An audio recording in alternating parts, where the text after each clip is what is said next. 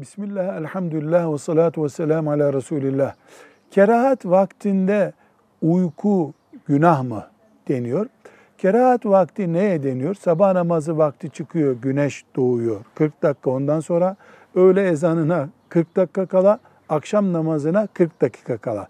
Bu üç vakte kerahat vakti diyoruz. Bu vakitlerde namaz kılmak mekruhtur, caiz değildir.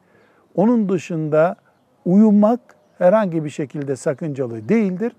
Ama akşam namazından önce uyumak, hemen o kerahat vaktinde uyumak, geç yatmaya, uykunun geç gelmesine sebep olur. Bu da sabah namazına kalkamamak gibi bir sonuç doğurur. Tehlikesinden dolayı o saatte uyunmasın denir.